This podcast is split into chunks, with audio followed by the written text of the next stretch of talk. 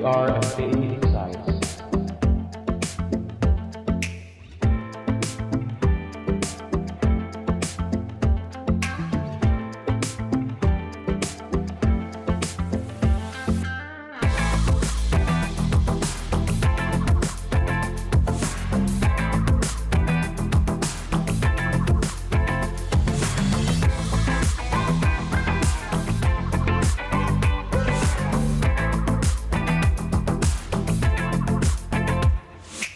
Halo semuanya, sobat-sobat MTI Insight di mana pun berada, selamat pagi, siang, malam. Kayak ini kembali lagi sama aku, ada yang bisa tahu nggak siapa? Oke, ke teman-teman, kalian lagi, aku Elvira dari MR 2018. Kalau kemarin terakhir kita ngomongin tentang study life balance sama Nasya sama Momo, malam ini sebenarnya aku bawain topik yang masih nggak jauh-jauh beda sih sama kehidupannya mahasiswa sih.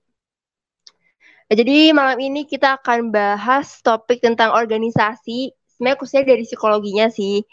Uh, mungkin sedikit cerita dulu kayak teman-teman, kayak kenapa sih bawa topik organisasi yang mainstream banget, sering banget ditemuin.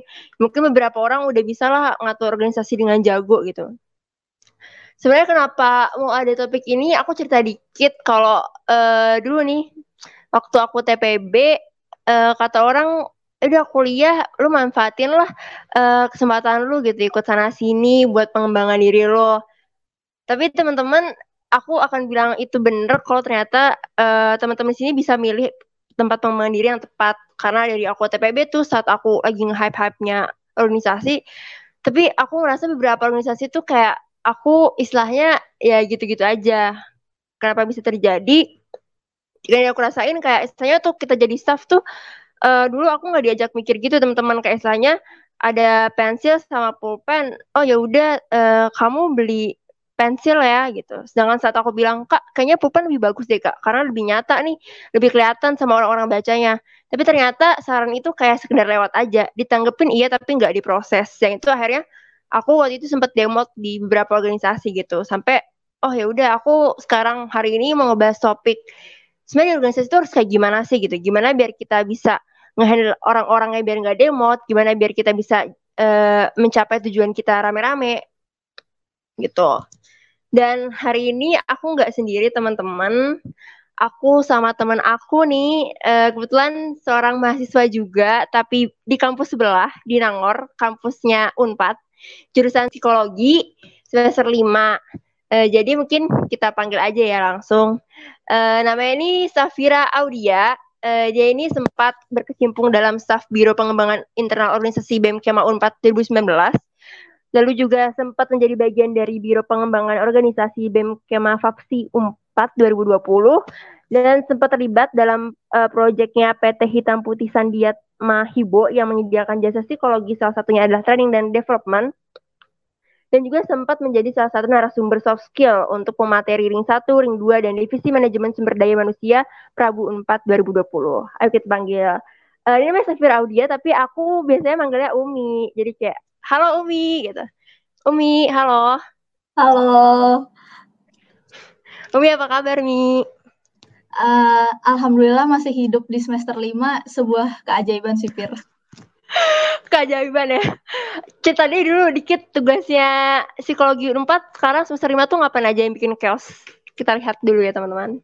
Oke, sebenarnya kalau misalnya yang bikin capek karena mulai banyak penelitian sih, akhirnya udah mulai enak dengan kuesioner-kuesioner, dengan pertanyaan-pertanyaan, kamu mau judulnya apa nih penelitiannya dengan mata kuliah yang beda-beda. Aku ada sekitar mungkin 8 matkul dan Ya, kalau UAS dan UTS tuh cuman dua kali yang on paper dan sisanya itu berupa penelitian dan tugas. Dan itu sih yang bikin capek. Ditambah corona yang nggak friendly lah untuk kita kerja kelompok via online tuh nggak banget. Oh, itu berarti kamu biasanya meet sana meet sini gitu dong, Mi? Iya, bisa tinggal bisa dua meet malah kadang. Iya kan, emang kayaknya corona ini orang-orang jadi banyak banget yang double meet gitu. Iya, padahal itu multitasking hanyalah mitos, guys. Jangan dipercaya. Ah, tuh, guys, multitasking hanya mitos. Oke, Umi, uh, ngomongin tentang organisasi nih ya. Um, tadi aku udah cerita nih, aku sempat demo di sebuah organisasi karena aku ngerasa ekspektasi aku nggak tercapai gitu. Terus juga dari aku dengar banyak sih masalah-masalah stafilang-stafilang gitu. Nah sebenarnya aku mau nanya ke Umi dulu nih, sebenarnya dalam sebuah organisasi itu apa sih yang harus ada dan apa yang harus kita jaga gitu? Uh, apa yang harus kita jaga? Banyak sih. Nah, makanya uh, kalau misalnya kita ngomongin organisasi, kita nggak cuma ngomongin proker dan sebuah tujuan-tujuan gitu ya. Kita ngomongin manusia, makanya lah sebenarnya biro, internal itu selalu hadir. Nah, untuk apa? Untuk mencegah yang kayak tadi Elvira itu, mencegah demo, mencegah mencegah apa lagi? Pir, biasanya masalah-masalah anak mahasiswa kepanitiaan. Uh, skip-skipan demo teh demo, skip-skipan dan segala macamnya. Nah, itulah yang kita sebenarnya coba ulik, mencoba bertanya juga kayak kenapa sih itu uh, bisa hadir dan uh, kita akhirnya come up with bisa proker, bisa merubah iklim dari organisasi untuk bisa mengakomodir kebutuhan teman-teman gitu pakai apa? Ya itu dengan teori-teori psikologi internal psikologi organisasi. Nah kita mencoba mengaplikasikan lah itu dari buku-buku yang super duper banyak itu. Uh, kalau misalnya level mungkin ada levelnya gitu ya Pir? Uh, level apa tuh Iya levelnya tuh uh, pertama intervensinya ada level individu dulu nih perorangan. Terus ada hmm. level kelompok dan juga level level organisasi secara besar gitu. Nah, mungkin ini kali ya aku ngomongin karena pertanyaannya organisasi, mungkin aku fokusnya hmm. coba ke level organisasinya gitu aja kali ya. Boleh banget. Ya. Oke, Mi, kalau ngomongin tentang organisasi nih, apa sih yang harus dijaga? Uh, banyak sih, cuman uh, aku mungkin akan ceritain salah satu buku dari cutting aku kali ya. Ini cutting aku nih role model aku dalam bidang internal organisasi. Nah, Wah. dia ini menceritakan kira-kira tuh apa aja sih yang selalu jadi masalahnya sebuah tim gitu. Nah, ini tuh bisa ber hmm. berlaku ke seluruh organisasi atau misalnya ke kelompok-kelompok. Bisa aja malah kayak kelompok kerja kelompok kalian tuh juga bisa aja terjadi hal-hal ini. Nah, itu tuh ada lima hmm. Apa aja itu, Mi? Penasaran deh. Nah, limanya ini tuh bertingkat peer. Jadi kalau udah mencapai yang paling bawah, baru kira-kira kita bisa mencapai level yang di atasnya. Kayak anak SD lah. Harus kelas 1 dulu, baru kelas 1, kelas 2, ya nggak sih? Gitu nggak sih? Uh, iya, uh, gitu. Oh. Nah, yang paling pertama tuh yang perlu banget untuk ditimbulkan itu adalah kepercayaan di antara hmm. anggota dari kelompok tersebut. Ini namanya mm -hmm. biasanya. Nah, itu tuh uh, gimana sih ciri-cirinya? Itu tuh ketika kita bisa mempercayai anggota atau partner kerja kita, kita tuh bisa menjadi vulnerable di depan mereka dan kita yakin mereka tuh nggak mungkin nusuk kita dari belakang gitu lah. Mm. ya. Kayak kalau misalnya gue kerja sama lu, eh gue ngomong gue lu nggak apa-apa kan ini ya? Slow banget. Oke okay, oke. Okay uh, misalnya gue kerja sama lu nih, tapi gue kebetulan apa ya baru putus nih dari pacar gue gitu. Gue nggak akan takut untuk bilang ke lo, gue nggak bisa ngambil suatu tanggung jawab tertentu di waktu-waktu tertentu karena butuh me time. Uh, karena gue yakin lo nggak akan menggunakan informasi itu untuk backstabbing gue. Gue nggak akan mikir kayak, ih Elvira ntar bakal nilai gue jelek nih, ntar bakal dibilangin ke orang-orang, ntar track record gue jelek di luar gitu. Itu kan mungkin hmm. aja ya terjadi. Nah, Contoh sederhana penting ya, Mi, ternyata. Saya kayak uh, penting lah. Kayak hmm. kalau gue nggak tahu kabar lo, gimana caranya gue mau kerja sama lo gitu, ya nggak? Hmm, benar-benar. Nah itu okay. trust Hmm. Nah, yang kedua, kalau misalnya kita udah bisa ngebangun trust di dalam kelompok itu adalah uh, baiknya adalah kita menghilangkan rasa takut terhadap konflik. Nah, kayak kok aneh sih konflik kok nggak ditakutin gitu, ya nggak sih? Hmm. Iya ya. Terus uh, kalau konflik itu sering kali ya, sering kali konflik itu hmm. uh, nggak cuman konflik yang buruk, tapi ada juga konflik yang membangun suatu tim. Nah, sering kali malah orang-orang itu tetap takut terhadap konflik yang kadang bisa membangun suatu kelompok. Misalnya, hmm. ya, ini kita pakai contoh aja deh biar gampang. Aku kerja sama Elpir dan Elpir menurut aku uh, atau atau sebenarnya kita emang kerja bareng kan ya Pir udah pernah kerja bareng. Iya. Misalnya aku tuh sama bareng guys. Iya, jadi aku tuh sama Elvir guys selalu uh, kalau kata teman aku yang satu lagi tuh selalu adu argumen gitu. Selalu kayak uh -uh. oh tapi aku nggak setuju ini ter katanya Elvir aku nggak setuju mi gitu. Nah kadang orang tuh takut untuk kayak gitu Pir. Takut untuk berpendapat karena takut aduh ntar gue ngerasa oh, takut orangnya itu malah marah nih gitu. Atau kayak misalnya Elvir nggak berani untuk melawan pendapat Umi karena watar Umi malah marah nih, ntar gue malah mengganggu hubungan pertemanan gue di luar kerjaan gue gitu. Ntar dia malah baper lagi.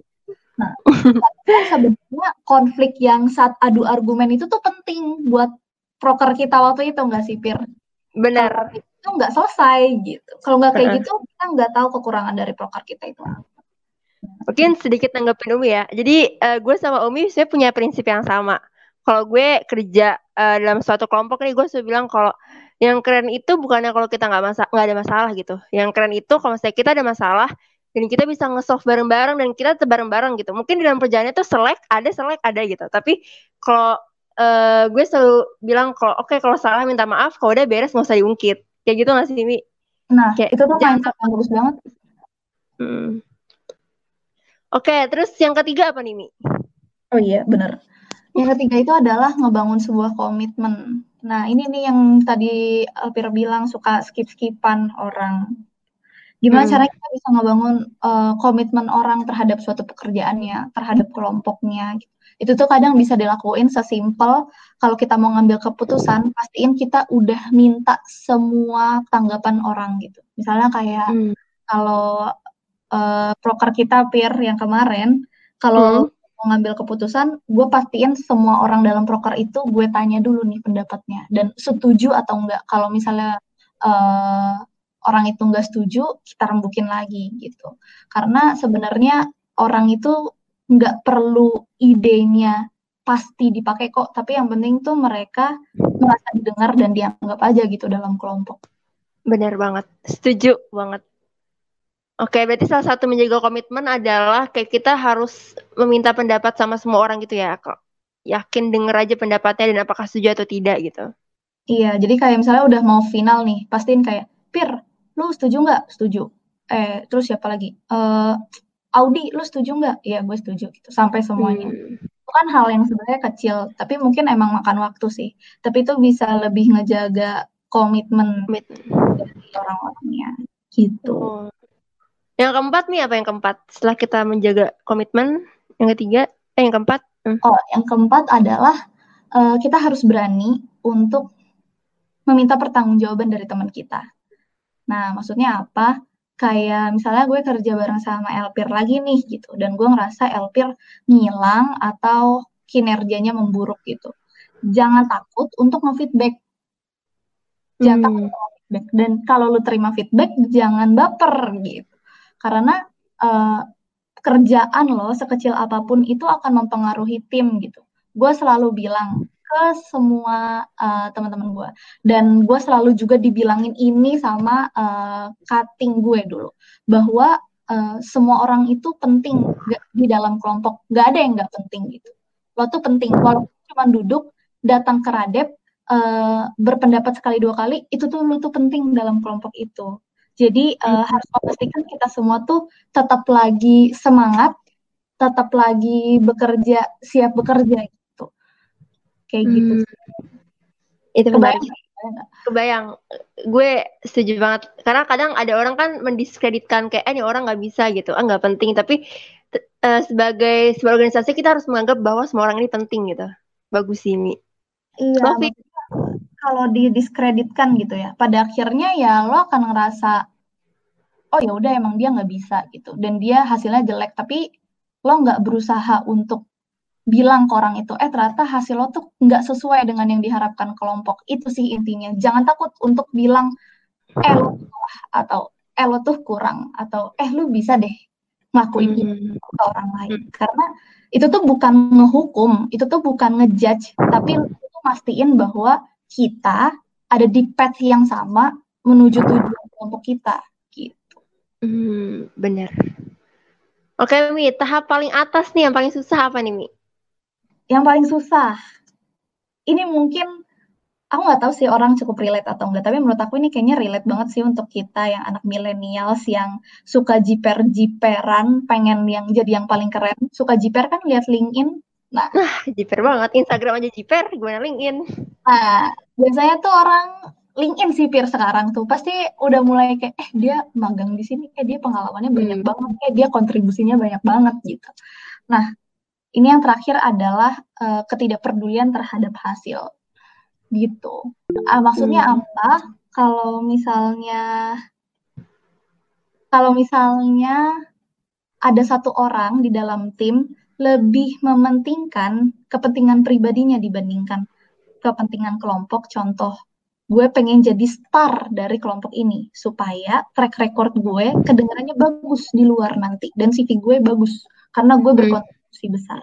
Jadi dia fokusnya lebih-lebih kepada goalsnya itu untuk jadi yang tenar di dalam kelompok alih-alih mengutamakan tujuan kelompok gitu. Hmm. Pada Hmm. akhirnya keputusan yang diambil mungkin nggak menguntungkan kelompok tapi malah menguntungkan si orang-orang tertentu itu aja gitu. Dan itu tuh harm untuk si kelompok. Ah, insight yang sangat menarik. Ayo teman-teman ngaku siapa yang kayak gitu?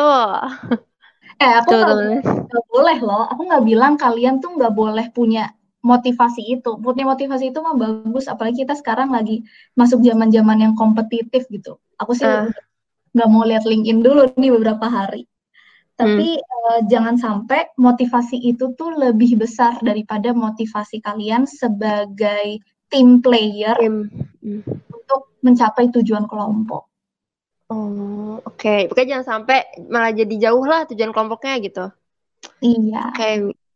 Eh, mungkin aku sekarang mau ngebahas tadi Umi eh, beberapa kali itu berkecimpung di area pengembangan organisasi ya, biro internal gitu-gitu. Sebenarnya yang Umi lakuin tuh apa sih Mi di dalamnya? Hmm, banyak banget sih yang dilakuin dari menjaga stabilitas internal, artiannya ngejaga iklim organisasinya, terus kita ngejaga motivasi orang-orang, gimana ya caranya orang nggak demot dengan proker-proker yang kita hadirkan, Eh, terus gimana caranya kita hmm, dan yang terakhir tuh biasanya yang cukup penting, ini nggak terakhir sih, tapi kayak tadi tiba-tiba mentok aja nih kepala gue. Salah satunya adalah mengembangkan potensi orang yang masuk ke tim kita, yang masuk ke organisasi kita. Maksudnya jangan sampai orang masuk ke dalam organisasi kita, kan pada akhirnya orang itu keluar. Jangan sampai saat orang itu keluar, dia itu belum berkembang atau masih sama aja kayak dia waktu pertama kali masuk gitu. Nah, Wah, eh, benar. itu penting banget apalagi kalau mahasiswa Pir pengen ikut or- pengen ikut organisasi itu pasti pengennya gue tuh pengen belajar gue tuh pengen berkembang gitu nggak Ah, benar. dan kalau misalnya kalian berkembang itu sebenarnya malah menguntungkan kok untuk organisasi karena menghasilkan orang-orang dengan pengetahuan dan skill yang mumpuni untuk mengerjakan pekerjaannya. Kadang orang tuh eh, menganggap sebelah mata tuh kayak team building atau eh, upgrading atau sesuatu hal-hal yang ada materi-materinya. Padahal eh, itu tuh sebuah investasi kalian sendiri secara individu dan juga untuk organisasi.